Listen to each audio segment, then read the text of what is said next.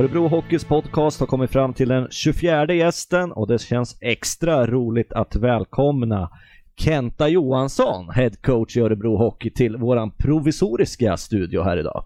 Tack så mycket. Du sitter ju i ett litet rum, det är nästan Västeråsfärger här. Det är gult, det är svart och det är vitt.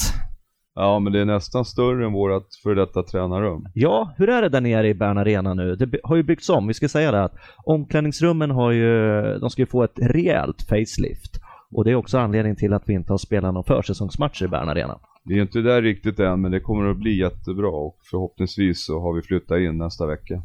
Från koja till slott, eller vad, vilken nivå? Lite åt det hållet faktiskt är det. Så det, det ska bli oerhört skönt att kunna komma ner till en arbetsplats som är lite mer ombonad än vad den har varit nu. En del kanske i klubbens växtverk. Vi springer väldigt fort, vi har etablerat oss i olika faser på kort tid, men omklädningsrummen har inte riktigt tänkt med va? Nej det har det inte gjort, och, men det är, jag är jätteglad att vi verkligen får komma in äntligen. Det gör det mycket mer lättjobbat. Får du några VIP-grejer inne hos dig? Eget badkar och, och sådana där grejer eller? Nej, tyvärr inte. Men jag kommer däremot utnyttja bastun för det är jag van vid att basta rätt mycket och det brukar jag göra efter träningarna. Så det blir skönt. Och det surras om eh, någon jacuzzi-historia där också eller? Ja, det finns det också. Ja, bra. Kenta Johansson, huvudtränare Örebro Hockey. Vi närmar oss en ny SHL-säsong med dig vid rodret. Vilka känslor är det som du känner så här nu, någon vecka innan det drar igång i, i Karlstad borta mot Färjestad? Nej, men jag tycker vi har ett spännande lag och jag ser verkligen fram emot säsongen. Vi har försökt förstärka laget och få lite mer konstruktivitet och lite mer spets tycker jag. Och eh, de som har varit med ett par år nu tycker jag utvecklas ytterligare och vi har några unga killar också som knackar på porten. Så det ska bli kul och intressant att se vad det tar vägen. Mm.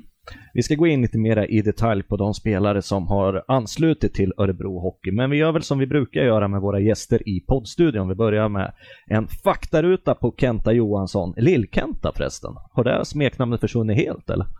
Nej, det finns nog kvar, men det var, det var länge sedan. Det var i början på 70-talet när jag kom med i A-laget i Huddinge. Då hade vi en back som hette Kent också. Men eh, jag kanske var 1,75 och han var lite längre och vägde 90 kilo som var mycket på den tiden, inte så mycket idag.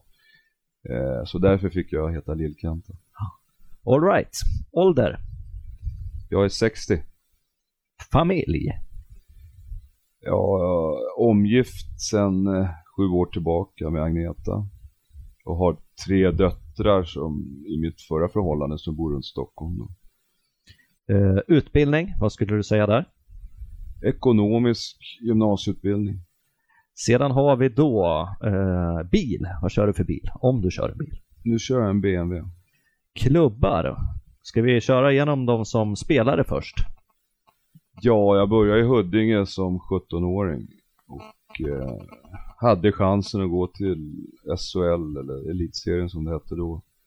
Under ett flertal år faktiskt, från olika Stockholmsklubbar till slut var det Djurgården som fick mig med Leffe Bork och som skötte rodret och som övertalade mig. Och det ångrade jag inte, utan, men då var jag 25-26 år, 1982. Så... Vilket är sent idag, var det där då också eller? Ja, det började bli lite senare, så, så var det. Mm. Men eh, jag fick vara med och vinna SM-guld direkt med Djurgården då, och kom med i Tre Kronor i VM och hade egentligen två år till men då dök Lugano upp och Slättvoll, John Slättvoll blev tränare och han, då var det två utlänningar man fick ha. Och han skulle ha två så jag var en av dem som nappade. Och de köpte loss mig faktiskt från, Lugano, eller från Djurgården då. Och så blev det då Lugano i sex år och fick vara med och vinna guld. Och framförallt det första guld var fantastiskt kul och vann tre raka guld där vi ska grotta ner oss lite mer i både tiden i Djurgården där och övergången till, till, till schweiziska ligan. Eh, sen har du ju faktiskt också en, en framgångsrik eh, tränarkarriär. Och du hoppade på, eh, när då egentligen? Du var inte så gammal när du bestämde dig för att bli tränare? Jag var 37, det var när jag slutade i Huddinge, spelade 94. Och de frågade om jag ville bli tränare. Den dåvarande tränaren Putte Karlsson, han flyttade till Schweiz och bröt sitt kontrakt med Huddinge och de stod där utan och då frågade de och, Och sen har det varit så sedan 94 då. Men var det självklart att du skulle, att det var den vägen ef- efter spelarkarriären? Nej, Liksom? inte riktigt kanske. Jag, jag trodde inte det, men Vad hade du gjort annars då? nej, jag hade nog försökt, eller jag hade inte tjänstled från Folksam, jag hade slutat där. Eh, och eh, det är mycket möjligt att, jag vet inte vad jag har gjort egentligen. Det kanske hade blivit Folksam igen. Det ordnade sig upp sig, ordnade upp sig ganska bra. Och efter Huddinge, hur fortsatte tränarkarriären? Sen var jag, jobbade ihop med Mats Hallin i Södertälje. Mm. Och vi gick upp första året, det var fantastiskt roligt. Eh, var där i, ja, i två år sedan i, i, SHL med dem. Och sen eh, var jag faktiskt en utflykt i Bolzano i Italien. Sydtirol. Också nyttigt. Jag var helt själv, ingen assisterande utan jag hade nytta av min italienska från Lugano-tiden då. Eh, Det blev ett år där och sen flyttade jag hem till Nyköping. NH90 som de hette då. Klassiska klubbnamnet. Och där, vi var väl tippade ganska långt ner men gick faktiskt ända till kvalserien till elitserien då. Hade en fantastiskt rolig säsong. Och var två säsonger där och sen blev det Djurgården. Eh, vi kom trea och åkte ut mot Frölunda. Henke Lundqvist slog igenom, tyvärr. eh, så det blev bara en ettårssejour där men sen hamnade jag uppe i Sundsvall-Timrå. Direkt efter att eh, Zäta hade försvunnit va? Ja, han hade, han hade gått, gått precis då. Vi var allmänt tippade längst ner i botten. Exakt. Men så blev det Men- inte. Nej, det- ett okänt lag faktiskt. Med lite doldisar som slog igenom. Och, Eh, vi lyckades ta en tredje plats och gick till semi. Och fantastiskt rolig säsong också. Det var kul att få vara med och sätta Timrå på kartan igen. Och där blev det fem år. Sedan fortsatte jag till Jönköping. Eh, två roliga år. SM-guld, SM-silver. Med ett fantastiskt bra lag och fina spelare. Eh, efter det så blev det ner till Lugano. Det var väl det jag hade drömt om att återkomma. Blev inte så lyckat som jag, jag hade hoppats få vara kvar där längre men det blev bara en säsong. Eh, och då hörde Frölunda av sig så då blev det tre roliga säsonger med Frölunda. Sen gick jag faktiskt en halv höst utan, eh, utan jobb då. Så jag hade siktat in mig på att bli, och vara pensionär, tennispensionär kanske. Men då ringde Pontus i november tror jag det var. Och hörde av sig och ganska snabbt så bestämde jag mig. Ja, det lät intressant och jag hade sett matcher då. Jag tyckte de hade gjort det väldigt bra och det var, ja, det var, jag tyckte det var positivt det jag såg. Så det gick ganska fort för att bestämma sig och köra den säsongen ut i alla fall. Och vi lyckades hålla oss kvar. Eh, och eh, sen har jag gjort två säsonger till då. Och det har varit roliga erfarenheter och trivs väldigt bra här. Så nu ser jag verkligen fram emot den här säsongen som komma skall. Dunder, det gör ju vi också. Vi går vidare i våran faktaruta med, Ja. med Kenta Johansson. Har du något mer tillägg? Nej? Inte kring de bitarna? Nej, det, det jag har lärt mig genom åren, alltså ibland har, det, har man, man haft tunga år som, framförallt som tränare så är det bara att se framåt som gäller. För det, det, det, ofta blir det nog bra då om man ser möjligheterna istället för att man dekar ner sig helt och tycker bara det är jobbigt. Utan det finns möjligheter och då, då så var det, har det varit ett par gånger för mig och det har blivit jättebra. Mm. Det låter bra där. Eh, vad äter du helst? Om du får gå in på en restaurang och peka på vad du vill och få notan betald. Ja, jag, jag älskar ju skaldjur sen, sen Göteborgstiden, det, det kan jag säga. Det skulle jag ha till förrätt, eller också en platå. Men sen tycker jag om racletteost, om ni vet vad det är en schweizisk rätt där nere vid skidorterna. Det, det äter Hur, ofta hur käkar man där då? Är det Nej, det, man smälter ju osten så då har man lite kallskuret och potatis till. Fantastiskt gott att sitta några timmar. Och man kan dricka både rött eller vitt vin. Då kommer vi till det. Vad Ja. dricker du helst? Ja. Vatten älskar jag. Jag dricker mjölk med men eh, ska jag fästa till då vill jag ha ett, los, ett gott glas rödvin tror jag. Vad läser du? Om du läser något? Jag läser inte så mycket faktiskt. Jag, jag vet inte, jag, när jag kopplar av då går jag i naturen eller ute på sjön. Och, eller titta på fåglar, det, det, det är min avkoppling. Lyssnar på?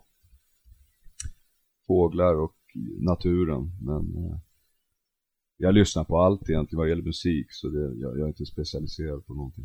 Har du någon sån här fågel som kommer in och saboterar ungefär som den där på Kalanka på julafton som sabbar friden? Du vet han den här snabba? Nej det ska ju vara en, en koltrast om man vill sova på morgonen, de kan vara lite jobbiga men annars tycker jag det är väldigt intressant med fåglar och deras flyttningar. Ja. Yes. Favoritfilm, har du någon sån? Nej det kan jag inte säga att jag har alltså favoritlag. Det ska vara Ben, ben Hur då kanske.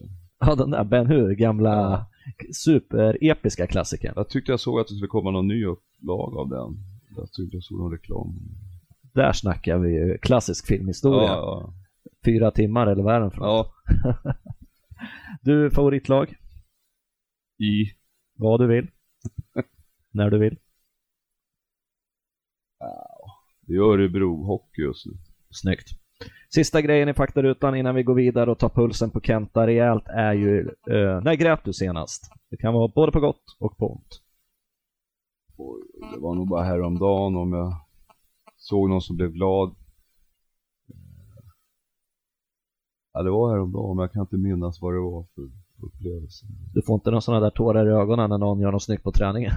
så känslosamma runt Nej, inte så, så känslig är jag kanske inte, men eh, det kan, jag kan räcka när jag ser någon har gjort något bra i OS, tror jag. Det, så kan det ha varit. Mm. Jag minns inte vad det var. Men... Då var du ganska nära att svara ja. likadant som Hardy Nilsson gjorde. Han sa av idrottsliga framgångar blir han berörd. Hardy som vi kan rekommendera att ni lyssnar på som är våra 23 gäst här i Örebro Hockeys podcast som sänds på måndagar. Regelbundet hittar ni podden på vår hemsida, på iTunes eller på Soundcloud. Ja, Kenta, vad, vad, säger vi nu då inför säsongen här? Vad, vad är det du känner? Liksom, vad, vad hoppas du kunna göra? Det var ju en, vad ska vi säga, ni gick till slutspel förra året. Det blev ett litet abrupt slut mot mm. HV71. Ja, men jag har förhoppningar på att vi ska ta oss längre och eh, året innan så kom vi sexa och var stabilare över säsongen och vi hade inte lika många dippar som vi hade förra året. Det, jag tror Mm. med den erfarenheten vissa spelare som har varit med nu och de nya spelarna tillsammans så ska vi komma tillbaka till det och fortsätta att försöka vara ett konstruktivt spelande lag. Och eh, jobba stenhårt för varandra och ha det som grund för, för att ha en bra försvar, ett bra försvar också. Så jag, jag, tycker att det finns förutsättningar för att vi ska göra en bättre säsong. Vi börjar där. Mm. Och topp 6 är på något sätt målsättningen som är satt utåt här i alla fall va? Ja. Eh, efter ert läger i Slovakien. Och det tycker jag är, är, är, rimligt. Det kommer kräva stenhårt jobb naturligtvis, som alltid, men vi måste sätta lite press på oss själva också och göra en bättre säsong och då är det det som gäller. Är du van vid, har du varit i klubbar där man har valt att vi går inte ut med någon målsättning? Nej, de flesta klubbarna har ju målsättningar men jag tycker det, ibland tycker jag bara larvigt när de säger att man är nykomling och ska målet är att ta SM-guld. det är bara ja, jag tycker det bara blir larvigt utan alla som håller på vill ju naturligtvis vinna men sen har man olika förutsättningar och, eh, för, för Örebro tycker jag det är rimligt att vi ska ha den målsättningen vi har nu och det innebär slutspel och komma sexa. Mm. Eh, om vi kollar på värvningarna här då, som har kommit in. Eh, Tom Vandell, st starkt namn i svensk ishockey. Joakim Andersson likaså. Just de två, vad, vad tänker du kring dem? Två ledarfigurer på, på isen och även e-, bredvid banan. Och lite svenska centra, liksom tvåvägscentra.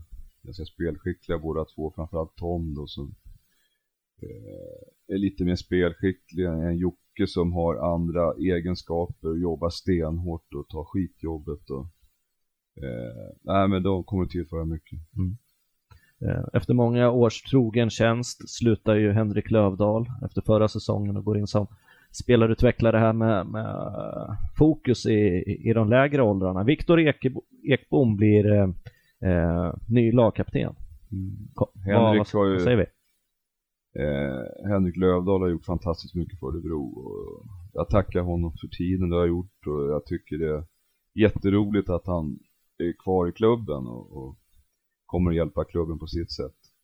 Sen eh, Viktor Ekbom tror jag kommer kunna axla. Det kommer ta några år innan han eh, utvecklar helt fullt ut, men han är, har redan tagit steg tycker jag de här åren jag har varit. Och, Vad ser du för starka sidor där? nej, men han sätter ju laget främst, alltså han offrar sig. Och det är alltid laget främst och det tycker jag är en bra egenskap och att man går hundra varje träning och match. Han är ett föredöme även för oss ska vi säga här på kontoret att jobba med. Det räcker att mässa honom en, eh, en vad ska vi säga, en eh, spelarundersökning från någon tv-kanal eller att nu har vi det här eventet, vi ska besöka sjuka barn på USA. Viktor är alltid föredömlig på att svara och ställa upp. Ja, men det förstår jag. Så att, mm, all right. Och eh, Sim Livik är vi ju många som är nyfikna på, en riktig karaktärsspelare. Ja, det är han. Han är också en spelare som, som ger järnet varje träning och match. Och, Men som har hockey i sig. ja, det har han. Han är, kan göra mål och men gillar att vara där det hettar till framför motståndarkassen kassen framför allt. Och det kanske, Har vi varit för dåliga där? ja det tycker jag. Och vi kan bli bättre och jag, han kommer att hjälpa oss med det, det är jag övertygad om. Den linan som är igång nu med, med, med Sim Livik, Kalle Olsson och eh, Johan Wiklander känns ju spännande. Ja, det är en liten, eller det är en kedja som jobbar stenhårt och eh, stick, lägger näsan i blöt överallt på banan och de kommer att jaga motståndarna, det är jag övertygad om också. Att det kom, de kommer att hjälpa till vad gäller just det fysiska spelet. Och säkert också kunna göra en del poäng va? Ja, Krävs väl att vi har fyra formationer som Nej, kan kommer- leverera om vi ska vara med där uppe. Ja, ja, alla kommer att vara med och leverera. Och... Men de har de egenskaperna som kanske vi har saknat just vad det gäller trycka sig in mot kassen och återvinna puck och så. Sen är vi ju lite nyfikna på Dominik Heinrich då, våran eh, Mm. österrikiska back som just nu när det här spelas in är iväg och OS-kvalar. Ja. Eh, poängback i Österrike, vad, vad kan man kräva där? Nej, men att han, han kommer göra ett poäng framförallt i powerplay, det är jag övertygad om. Och sätta igång spelet på ett bra sätt och eh, väldigt spelskicklig, skridskostark. Inte så stor men vågar ändå vara nära motståndaren. Är ganska smart på det sättet. Hörru du, okej, och sen har vi Gustav Fransén som vi plockas in från kanadensiska juniorligan med förflutet i HV71 duktiga juniorer. Ja, det är en lirare faktiskt som var ganska ettrig och bra runt sargerna. Det har nog lärt sig över där. Och, eh, vi ska jobba och få upp skridskoåkningen lite till så kommer han bli eh, riktigt bra SHL-spelare. Det, det tror jag säkert. Och, nej, men det, det är en, han kan bli ett utropstecken. Och på målvaktssidan så får eh, Julius Hudacek konkurrens av Axel Brage som kommer närmast då från vår samarbetsklubb Vita Hästen. Vad får vi in där för något? Jättekul att se Axel, att han har, han har tränat bra under sommaren och jag tycker redan han ser bättre ut än, än vad han visade upp i Vita Hästen och har gjort jättebra matcher nu nere i Slovakien. Kommer att bli bättre och bättre och han kommer att eh, Julle kommer att få jobba för, för att hålla första spaden men han kommer att spåra honom. Det är jag övertygad om. Hur viktigt är den konkurrensen? Att det Nej, finns jag ändå? tror det är bra. Jag tror, det är bra för Julius att känna att det, det är inga problem om han har en, några dagar som är sämre och att han får vila några matcher och, och sen konkurrensen också är viktig, att han måste ge hundra både på träning och match för att hålla sin plats och utvecklas vidare också. Målvaktsbiten i Örebro Hockey, vi har ju haft Julius Hudacek som du hade även i, i, i, Frölunda. Ja. Eh, Sätt, kan du sätta han i något perspektiv om du jämför med han då? Han försvann iväg till KHL, eh, fick inte riktigt chansen där, tillbaka nu. Är han i ett vägskäl nu eller var, vart är han någonstans i sin karriär tycker du? Nej, men han är han är mer rutinerad än, än när han var i Frölunda. Det, det är inget snack om det. Nej. Eh, han kan utvecklas vidare. Eh, han har, jag tycker han har en högre, skulle kunna ha en högre potential. Om man krigar lite mer, men jag tror han nu måste han göra det när, när, när Axel kommer in och kan verkligen spara honom. Så jag tror han kommer ta ytterligare ett steg. Mm. Det blir svettigt mellan, mellan Ja, dem. det Ja. hoppas jag. Och slutligen Kenta, våra norska roliga historia då, Mikael Haga. Eh, tvåa i Allsvenskans poängliga förra Ja. året. Vad får vi där? Han har en oerhört stor och hög potential. Och en lirare, fantastiskt flyt i åkningen när han har fått upp farten. Och, Eh, bra, både bra målskytt, bra, fantastiskt spelsinne.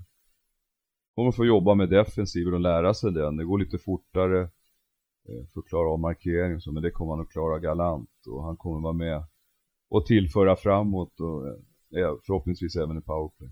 Tycker du att du har fått det laget du vill ha inför året? Kanske man som tränare aldrig trycker, men... Jo, men det tycker man alltid innan säsongen, annars vore det nog jättefel tycker jag.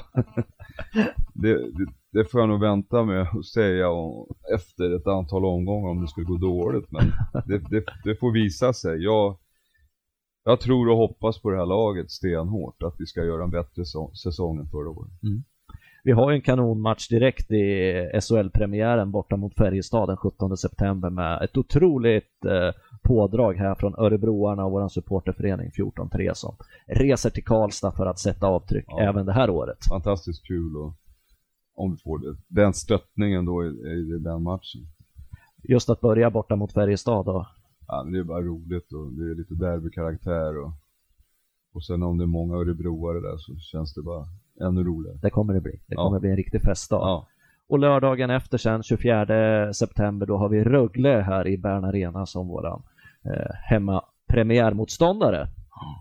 Eh, de har gått bra nu, har jag sett försäsongsmatcherna. Så alla lag är jättebra och det kommer att bli hårda duster och förhoppningsvis är vi lite bättre än de andra på hemmaplan framförallt och så med hjälp av vår fantastiska hemmapublik. Mm. Vilken stämning det är här. Ja, det, man är stolt när man går till jobbet varje match. Det är jättekul. Yes, eh, Kenta vi ska snacka lite mer med dig här. Vi har pratat vid, vid i 20 minuter ungefär och vi ska försöka bränna av 10 minuter till. En grej som vi gärna pratar med dig det är ju tennis. För det ligger ju okay. dig varmt om hjärtat. Du sitter ju med en Roger That t-shirt, alltså uppfattat på amerikanska, men det är ju en, en blinkning med Roger Federer såklart. Ja, det har blivit så att jag har blivit ett tennisfreak sen. Det var min gamle vän Mats Valtin och jag, när vi spelade hockey i Lugano så började vi och vi tränade oerhört mycket och sen när vi flyttade hem så när man blev 35 då löste man tävlingslicens för veteraner och sen har det blivit, det är Stockholms DM, seriespel och sen brukar jag vara med i SM det, och även seriespel.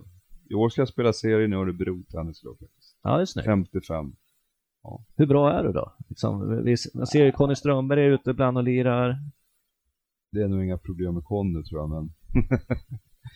eh, nej, nu i år så vann jag dubbel i SM, här 55. Och det var fjärde titeln i dubbel. Jag vunnit en i singel. Jag vunnit fyra i lag-SM, så det har blivit några mästerskap. Vad är det för underlag du specialiserar på? Hardcore? Ja, jag har varit med på båda faktiskt. Jag gillar faktiskt mer att spela på grus. Det är lite mer ja, strategiskt med lite stockbollar och sånt. Det gillar jag. För vi som cyklar förbi här i Stadsparken i Örebro, vi kan se det ibland där på grusbanorna. Ja, fantastisk miljö att spela i där Sen håller jag till mycket, även ute i Lillå när jag spelar mest tror jag. Eh, men nu blir det Backahallen som gäller. Mm. Bäst eh, på veterantouren då? Niklas Kult är ett sånt där namn man har sett då och då. Är, han med ja, fortfarande? Han har inte varit i singel men han, uh, dubbel och mixed tror jag var med och vann nu då. Så. Mm. Men uh, han är lite yngre än mig så det går ju i klasser från 35 femårs intervaller. Då. Vad skulle du säga att du har för spelstil då? Är du en gnetare eller? Ja, det är många tycker nog det. Nu gillar inte att möta en hockeyspelare. De flesta är gamla tennisspelare så man spelar på hyfsat hög nivå. Eh, men jag tycker det är kul att det är som två sporter. Grus, då är det lite andra förutsättningar. Inomhus, då är det lite mer servevolley och det. Eh, nej men jag gillar båda för att det blir inte långsamt då, utan det är som att byta sport mitt halva året. Så det, jag tycker bara det är roligt. Hur ofta tränar Det beror på hur hockeyprogrammet ser ut och men jag försöker alla spela någon eller en eller två gånger i veckan. Men sen kan det lika gärna gå två veckor utan spel så det är lite olika. Hur hittar du dina motståndare då? Lägger du ut på Facebook liksom? Tjena Kenta här, någon som vill lira mot mig idag eller liksom? Åker du ner till hallen man åker eller? ner till de där, där klubben man, man vet att det finns en tennisklubb och så alla inom det här tennisveteranerna, alltså det är så jävligt trevligt att åka ner till Båstad och spela SM och alla är som kompisar, även de som är plus 80 och Eh, det är samma problem kanske med andra serven eller Så det, det är lätt att hitta tennispartners. Hur, när du tränar då, vilka ambitioner har du då? Vill du möta någon som är lite sämre så att du kan vinna eller vill du möta den här som är lite bättre så att du får... Nej, helst vill man ju spela de som är bättre och, för då utvecklar man spelet själv. Mm. Vem har du att jämföra dig med i, i Örebro Hockey då? Är det någon som kan utmana dig där eller? Viksten? Tornberg? Nej. De har försökt men jag tror inte de lyckas. Alla har de fallit? Ja, så är det faktiskt. Du, eh, tennisen då? Är det Björn Borgaren som fick dig att fastna för eller vad, när Ja, klev du in jag- i alltså, skärmen? Jag, jag satt klistrad när det var runt midsommartid. Wimbledon, det tyckte jag var fantastiskt. Hur han som skulle vara grusspecialist vinner, har fem raka på, på gräset. Det är för mig, alltså det är en gåta hur skicklig han var och hur iskall han var.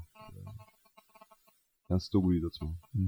Svensk tennis idag då? Det har ju varit några epoker som har fejdat Ja, ut så att säga. lite- Nu är det Ymerbröderna det pratas om.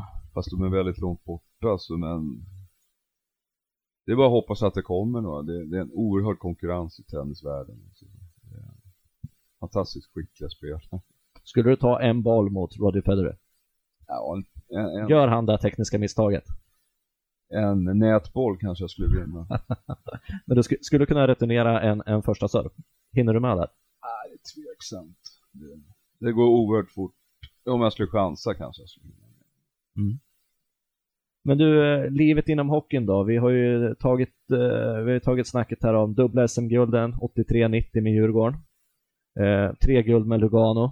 Och sen har du spelat två VM med Sverige också. Eh, det var en ganska, vad ska man säga, var en ganska häftig historia när du blev värvad från, från Djurgården av Lugano. Ja. att du satte dig på eh, en svebuss och tuggade ner eh, resmilen ner till, till Schweiz och Nej, så de det. södra delarna. Nej, men så var det inte. Berätta! Det var en magisk värvningscup, eller hur? Ja, vi satt ju, det var Leffe Bork och sen Bengt Broberg, han som drev Djurgården Hockey då. Vi hade samlats på SCB, på, var det vid Norrmalmstorg tror jag. Och eh, farbror Mantegazza från Lugano hade flugit hit och John Slättboll var med, ny, nya tränaren i Lugano. Och eh, det var inte så vanligt att man, att man löste spelare på den tiden, alltså transferpengar, utan det var ofta free agent kanadensamerikaner. Och, eh, jag hade ju två kvar med Djurgården. Men då sa de att ja, vi betalar 500 000 kronor. Och, eh, jag minns så väl att jag tror inte att, att Djurgården trodde nog inte att de skulle betala. Men då skrev han bara ut en check och de ringde och kollade liksom. Och den stämde ju så. Så var det klart och så stack vi till Svettboll och jag och en, en finsk spelare som spelade Hammarby, Håkan Järpe hette han. Vi flög ner till, eh, ja, kom upp på 10 000 meters höjd där med hans jetflyg. Och så fick vi champagne och sen eh, landade vi där nere och det var Vad tänkte du då liksom? Nej, vi tittade på varandra, John och jag framförallt och undrade var, var, var vi var på väg. Och jag hade blivit varnad, jag var bland de första tror jag som åkte ner i. Jag tror Carl- Carl-Johan Sundqvist, en gammal back, Färjestadsback, hade spelat Arosa då. Eh, Så det var varning att man inte skulle få ut pengar och det, men det blev sex fantastiska år för mig. Tre guld. Visst var du väldigt drivande i nå- i någon av finalmatcherna där när du öste in mål? det var ju första guldet som var fantastiskt när vi Då var det bara bästa av tre i finalen. Vi vann hemma med 5-1 Och så åkte vi upp till Davos andra matchen Och vi låg under med 5-2 Sen Fick man göra fyra mål sista tio och liksom varje gång jag skulle åka och byta då stod John och in igen och det var på hög höjd så Jag var helt slut efter matchen men vi vann med 7-5 Och du gjorde fyra sista tio. Ja, det var helt magiskt. Och så hamnade jag under, så jag fick, jag ihåg, jag hade sån panik. Jag fick ingen luft. I en sån TV-puckshögel. Ja, ja. ja det var, jag var ju riktigt panikslagen. Men det var en supporter som grävde upp där. Satte mig på axlarna. Sen kom vi hem på natten. Halv fyra, fyra på morgonen. Då undrade jag fan, var, varför stod det så mycket bilar liksom runt ishallen? Då var det 6-7 tusen duggade ner sig som stod på läktaren och skulle ta emot oss. Mitt i natten på morgonkvisten. Vi fick ta på skridskorna och blev hyllade där så det, det var fantastiskt. Bland det roligaste minnena tror jag. Lugano är en fantastisk plats också i södra Schweiz mot eh, norra delarna av Italien. Ja, Hur det, bra italienska surrar du? Nej men jag, jag klarar mig det kanske om jag är där och ska bara vara vanlig turist och greja men sen är jag där ett par veckor så det ännu bättre. När du drömmer inte på italienska och sådär nu, nu Nej, för det gör, tiden. nej det gör jag absolut Hur ska powerplayet bli på, på italienska i huvudet? Nej då. Men du, nere där då, den tiden stötte du på en annan Örebro-profil, eh, Kent Kneten Andersson, numera Liljekvist, som ju har varit gäst här i poddstudion. En man som vet hur man berättar historier om inte annat.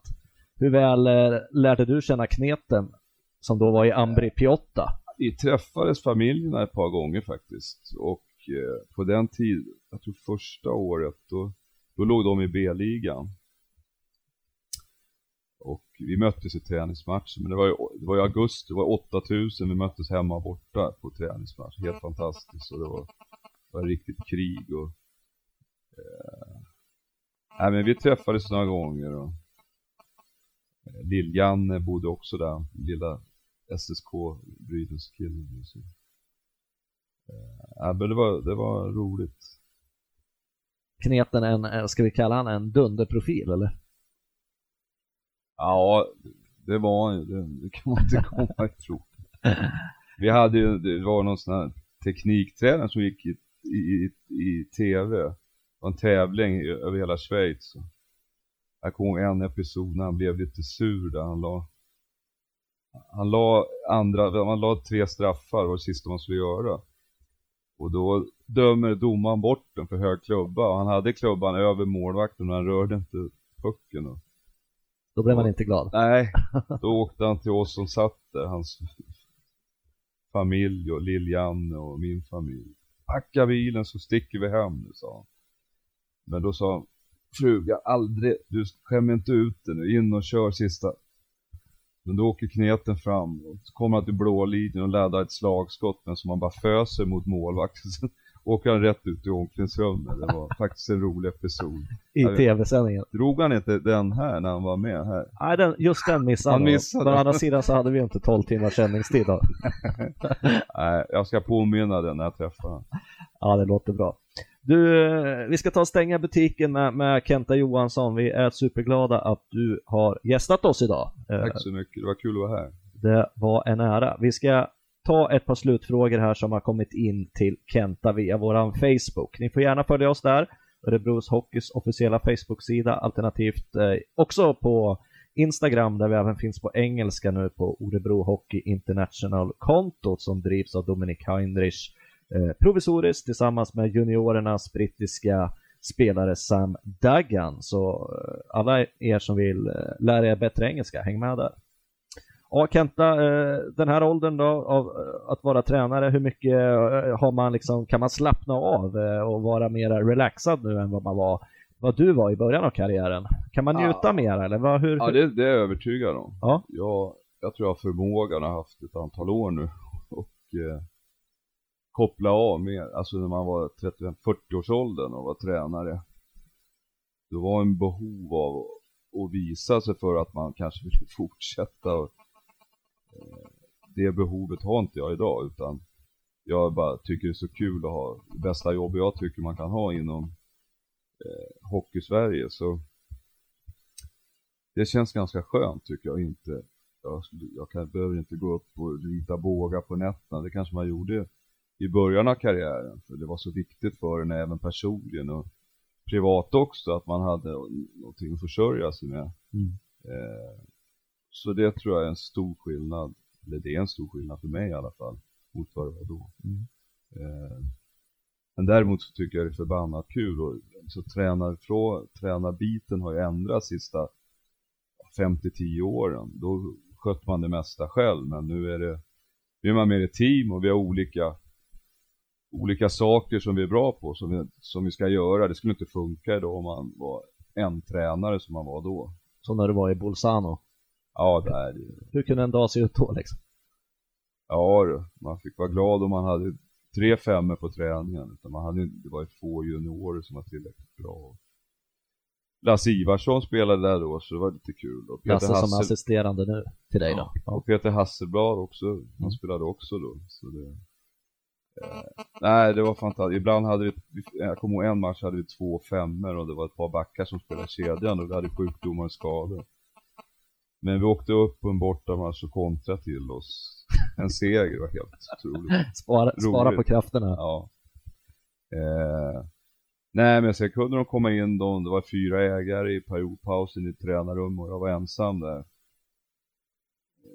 Då fick man ju köra show me the money, jag åker hem liksom och vaffan cool och liksom italienskan kunde så det var liksom Nej men jag stod upp liksom och de, de hade inte så bra kultur, även fast Bolzano var de som kanske var hade mest kultur bakåt i, i historien i italiensk hockey så var det väldigt kortsiktigt. Men eh, jag överlevde den där säsongen och vi gick faktiskt till final både i eh, den då, Alpenliga först så det var massor med matcher men vi var inte så många spelare men vi gick till final, förlorade tyvärr mot Felkirch där Bengt-Åke och Thomas Rundqvist var Eh, så gick vi till final i italienska ligan där, men då förlorade vi mot lokalkonkurrenten Merano med Åke Lillebjörd i mål faktiskt. Ja, ja. Okay. Så det var, det var en rolig säsong och väldigt lärorik. Och du kom ju som du sa här i början av programmet, du kom ju tillbaka till Lugano som tränare, men det blev inte riktigt som du hade tänkt dig. Nej, var det det sportsliga som uh, inte var tillräckligt ja, bra, eller vad hände? Alltså, de hade ju missat slutspel året innan och nu skulle vi prata långsiktigt då, men vi låg på slutspelsplats och det var några matcher kvar i serien. Då, ja, man blev uppkallad och eh, ja, så jag var väldigt besviken. Och, ja, så mycket man har gjort för klubben och eh, men samtidigt så vill de ändra så får de väl göra det det var någon mening, det var vad de tyckte då, det tyckte väl inte jag. Så. Det var bara att se möjligheterna igen, men det, det sitter som en tagg, det kan jag säga i hjärtat. Känns det som ett svek, liksom med tanke på eh, den tiden du hade som spelare då? Ja, det gör det. Ja. Det kan jag inte sticka under stolen. Det måste jag säga. Mm. Vad skillnaden om vi lägga utanför slutspelsplats? Men eh, du sa det, det var bara att gå vidare. Var det en självklarhet eller blir man så här som att, nej nu skiter jag i det här. Nu, nu, nu blir det inget mer tränaruppdrag för mig liksom. Hamnar man i de tankarna? Hamnade du i de tankarna? Nej, det var samma när jag gick till Timrå efter Djurgårdsåret där så var det faktiskt jag såg bara möjligheterna och som jag sa förut, jag vill inte gräva ner mig utan gör man det då tror jag inte det blir något bra utan det är bara det är bara att försöka se framåt även om det är jobbigt i livet var jag än är, om det är separationer eller eh, så jag tror det är viktigt att ha den inställningen. Mm. Hur lägger du upp dagen innan SHL-premiären? Hur hittar du din harmoni? När mår du som bäst? Ja, jag ska motionera efter träningen på eftermiddagen tror jag. Kanske blir timme tennis och sen ja, en god middag. Bara ta det lugnt på kvällen. Mm. Och sen börjar jag se fram emot matchen. Premiär är ofta lite speciellt då. Det kan man känna av kvällen innan. Mm och dagen innan, då har du, eller på förmiddagen och fram till matchen, då känner du att du är ganska balanserad. Allt ska vara klart liksom förberett. Ja. Ja. Hur funkar samarbetet där mellan assisterande och dig? Liksom, eh, jag, jag ser Tornberg framför mig som är ganska, vad ska man säga, drivande så här, eh, vad ska vi säga, du är lite mer lugn. Hur, ja, hur funkar det i gruppen? Mellan? Nej men vi har ju våra roller liksom. Johan sköter backarna och boxplay. Mm. Och Lasse sköter forwards och powerplay. Sen har jag övergripande. Och, men vi har alltid en dialog liksom varje dag om vad, vad vi ska göra och hur vi ska spela. Och, men jag bestämmer ju vilka som ska spela i slutändan. Mm. Bra, hörni. Tack för att ni har lyssnat på Örebro Hockeys podcast med Örebro Hockeys huvudtränare Kenta Johansson som är redo att föra Örebro även den här säsongen och det ska bli otroligt roligt att se vad vi går för i år. Hoppas du är laddad Kenta? Jajamensan. Nästa tennismotståndare, vem blir det då? Det blir våran eminent HRV-tränare eh, Anders Nilsson. Han har utmanat mig på fredag så han ska få springa lite. Sätter han på sig eh, några hjärtkollar Kolla vad du har för, för puls. Nej, jag, jag blir inte så upphetsad av att möta honom. Jag vet vad han går för. Ja, det låter bra. Stort tack hörni för att ni lyssnade. Fortsätt häng med varje måndag. Vi säger stort lycka till den här säsongen till Kenta Johansson. Tack så mycket. Tack själv.